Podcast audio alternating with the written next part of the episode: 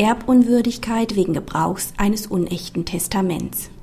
Wer vor Gericht ein unechtes Testament vorlegt, ist erbunwürdig gemäß 2339 Absatz 1 Nummer 4 BGB.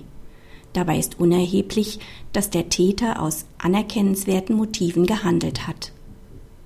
Der Erblasser wollte mit seiner Ehefrau ein gemeinschaftliches Testament mit gegenseitiger Erbeinsetzung des Längerlebenden errichten. Am 14.10.1997 schrieb die Ehefrau den Text des Testaments und unterschrieb es für sich selbst sowie mit dem Namenszug des Erblassers.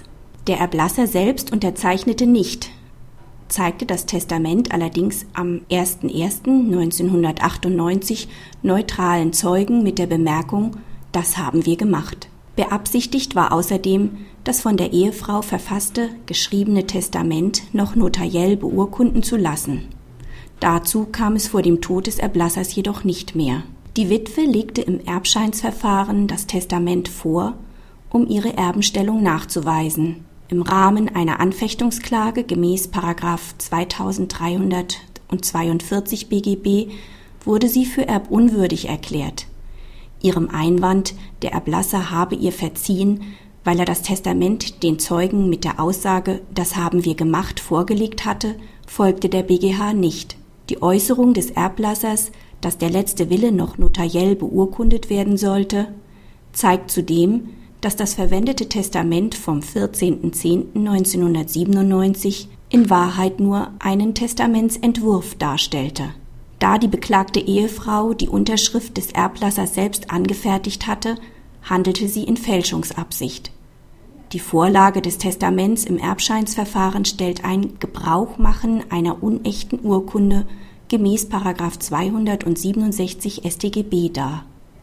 Dies rechtfertigt den Erbunwürdigkeitsgrund des Paragraphen 2339 Absatz 1 Nummer 4 BGB. Eine Verzeihung gemäß 2343 BGB seitens des Erblassers liegt nach Ansicht des BGH nicht vor. Als er den Testamentsentwurf den Zeugen vorlegte, wusste er nicht, dass es nicht mehr zu einer notariellen Protokollierung des letzten Willens kommen würde. Dem Erblasser war zwar bekannt, dass die Unterschrift unter dem gemeinschaftlichen Testament nicht von ihm stammt, war also mit der Fälschung seiner Unterschrift unter dem Schriftstück vom 14.10.1997 zunächst einverstanden, dieses Einverständnis stellt aber keine Verzeihung gemäß 2343 BGB dar, weil der Erblasser damit nicht gleichzeitig auch die Vorlage des Testamentsentwurfs im Erbscheinsverfahren billigte. Praxishinweis Der Beschluss des BGH dient insoweit der Rechtssicherheit, dass jede nicht vom Erblasser stammende Unterschrift unter seinem letzten Willen als gefälscht anzusehen ist und wenn diese Verfügung zur Untermauerung der Erbenstellung vorgelegt wird, einen Erbunwürdigkeitsgrund gemäß 2339 Absatz 1 Nummer 4 BGB darstellt.